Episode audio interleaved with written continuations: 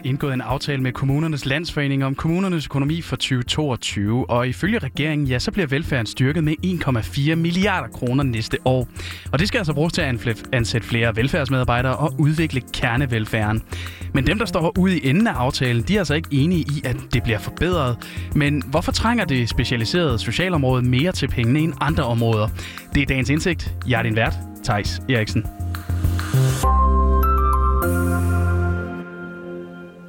En rammeaftale for kommunernes økonomi for 2022.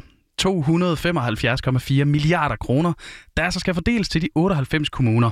Beløbet det er 1,4 milliarder kroner højere end budgettet for 2021, og øh, det er altså, hvad kommunernes landsforening og KL og regeringen, undskyld, kommunernes landsforening KL og regeringen er blevet enige om.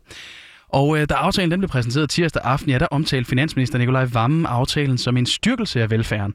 Men øh, KL's formand Jakob Bundsgaard, han omtalte aftalen som et mindre løft af socialområdet, men dog ikke det løft, som KL de ellers havde håbet på. Og hos danske handicaporganisationer, der kalder man simpelthen aftalen for en fuckfinger til mennesker med handicap. Og dem, der er ude i aller yderste led af det specialiserede socialområde, de er altså langt fra begejstrede for den her aftale. Det fortæller William Korte, som er næstformand i sammenslutningen af unge med handicap, Zoom. Vi er meget, meget enige med danske handicaporganisationer. Øhm, den her økonomiaftale, den er en kæmpe forkvinger til alle os mennesker med handicap. Så det er bare bekymrende, at der ikke er blevet at der ikke er blevet sat flere penge af til os i socialområdet og på handicapområdet. Det er en kæmpe, kæmpe stressfaktor. Jeg kan ligesom mærke, at inde hos kommunen, der vender de og drejer de hver en mønt for at få tingene til at gå op. Og kritikerne af aftalen, de påpeger altså, at der er opstået et stort efterslæb på området efter mange års besparelser og prioriteringer af andre områder. Eksempelvis så har daginstitutionerne fået prioriteret minimumsnormeringer, der altså kan være med til at sikre et vist niveau af velfærd der. Men det er der altså fortsat ikke noget af for det specialiserede socialområde, som altså hjælper de danskere, der har psykiske, fysiske eller sociale vanskeligheder og eller handicaps. Og det efterslæb, det er altså noget, der helt konkret mærkes af de danskere, der er afhængige af hjælp i deres dagligdag. Som William Korte selv, der har muskelsvind.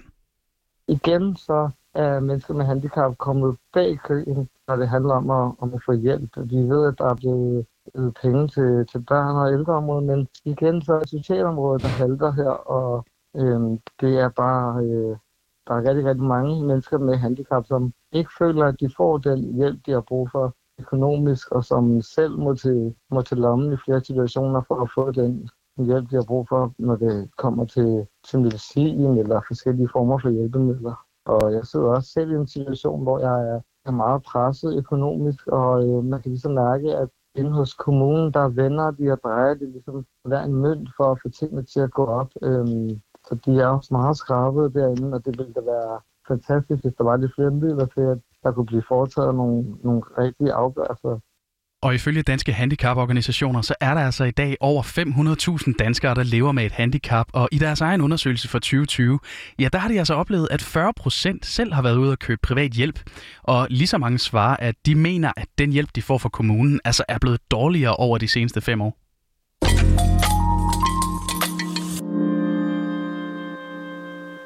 Og her, ja, der er det måske passende, at vi lige dvæler et øjeblik ved, hvem det egentlig er, det her det berører, og hvilken slags hjælp det drejer sig om under den anonyme beskrivelse, det specialiserede socialområde. Og det kan Mona Strib, der er forbundsformand i FOA, altså i første omgang hjælpe os med.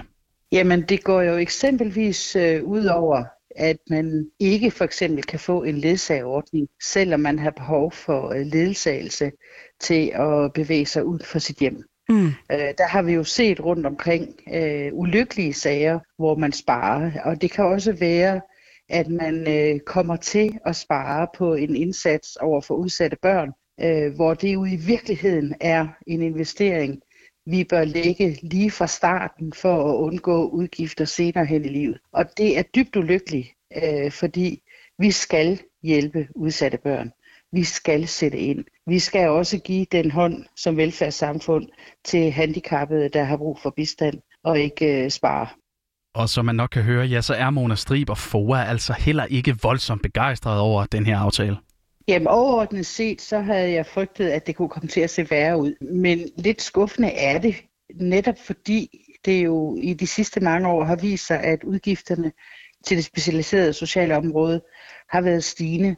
Og det betyder jo, at der er flyttet øh, rigtig mange millioner øh, fra andre velfærdsområder, og der er simpelthen ikke mere at tage af. Så derfor kalder det jo på, at man øh, løfter den opgave på det specialiserede sociale område, som jo både handler om øh, udsatte unge, som handler om handicappede, øh, mennesker med særlige udfordringer. Og det bliver man jo simpelthen nødt til at have økonomien til, fordi kommunerne er forpligtet til at levere til de mennesker. Og hvis vi så lige skal blive endnu mere konkrete på, hvordan man oplever de senere års udvikling på det specialiserede socialområde, når man selv bliver nødt til at betale for ting, man ellers har ret til, ja, så kan vi jo spørge William Korte.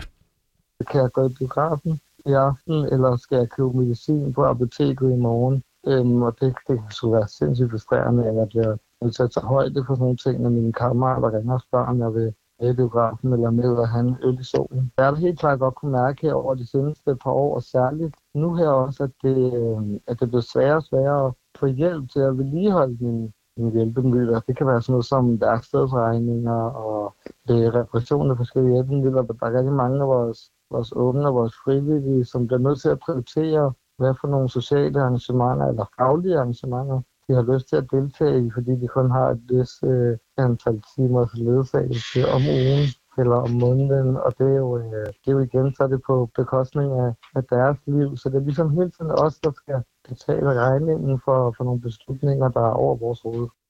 Og det er altså i virkeligheden her, sammen med Mona Stribs pointe, at vi nærmer os noget mere konkret. For det specialiserede socialområde er altså ikke nødvendigvis i både med det, vi er vant til at høre, altså at der bliver uddelt penge, men vi kunne godt bruge nogle flere. For hvem vil ikke altid gerne have flere penge, når det handler om at servicere mennesker? Men øh, det er altså ikke nødvendigvis sådan, det forholder sig på det specialiserede socialområde, fordi i mange år har der altså været flyttet penge fra andre områder og så til det specialiserede socialområde.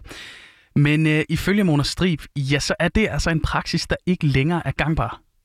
Jamen der, hvor der er udgifter, hvor, hvor en kommune eksempelvis er forpligtet til, det her, det skal I levere i henhold til loven, så skal man finde pengene andre steder. Og øh, da der er vedtaget minimumsnummeringer, eksempelvis på børneområdet, så er der to store velfærdsområder tilbage at hente penge på. Det er ældreområdet, og det er skoleområdet. Og vi kan simpelthen ikke få øje på, hvordan pokker det skulle kunne lade sig gøre, i og med, at der rent faktisk er behov for at tilføre flere midler til ældreområdet eksempelvis, på grund af det stigende antal ældre, der har behov for hjælp. Og det er jo en del af den demografiske udvikling, som man så løfter. Men hvis man øh, løfter med 1,4 milliard øh, alene til demografien, og så samtidig også skal spare for at få det til at hænge sammen, så bliver det jo ikke det løft, som personalet har behov for ude på arbejdspladserne for at kunne nå opgaverne. Og øh, der kan skruen altså simpelthen ikke strammes mere. Så der er altså ganske enkelt ikke mere at flytte rundt med i de kommunale budgetter, og når der så samtidig er visse forpligtelser, der altså skal overholdes, ja, så står det specialiserede socialområde altså der, hvor der er behov for, at den samlede pose penge den bliver større, for at det ikke skal blive et res mod bunden. Hvis ikke pengene følger med, så kan man nok så meget sige, at man øh, styrker området. Hvis der inde i aftalen ligger, at for at kunne styrke området, så skal I finde pengene nogle andre steder. Så har man egentlig indført det udskældte omprioriteringsbidrag af bagdøren. Men øh, skal blandt andre Monas medlemmer i FOA ikke også til at løbe lidt hurtigere på arbejdet? Skal de ikke til at tænke i at arbejde så smart som overhovedet muligt? Selvfølgelig skal man hele tiden arbejde med, at man øh, bruger pengene så effektivt som overhovedet muligt, så kvalitetsbevidst som overhovedet muligt. Det er en evig opgave. Øh, det, har, det har man ansvaret for, når man øh, forvalter skatteborgernes penge til, øh, til velfærd. Men øh, vi kan bare se, at på mange områder, hvor man simpelthen har nået det der bundskraberniveau, der er ikke noget at hente.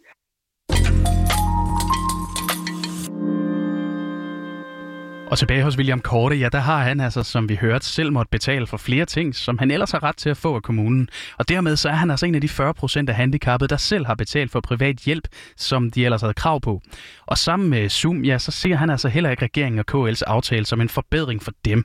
Og derfor så har William Korte altså også en idé om, hvad det er, der egentlig skal til, for at man kan komme ud af det her pengeflytteri, der trækker alle ned.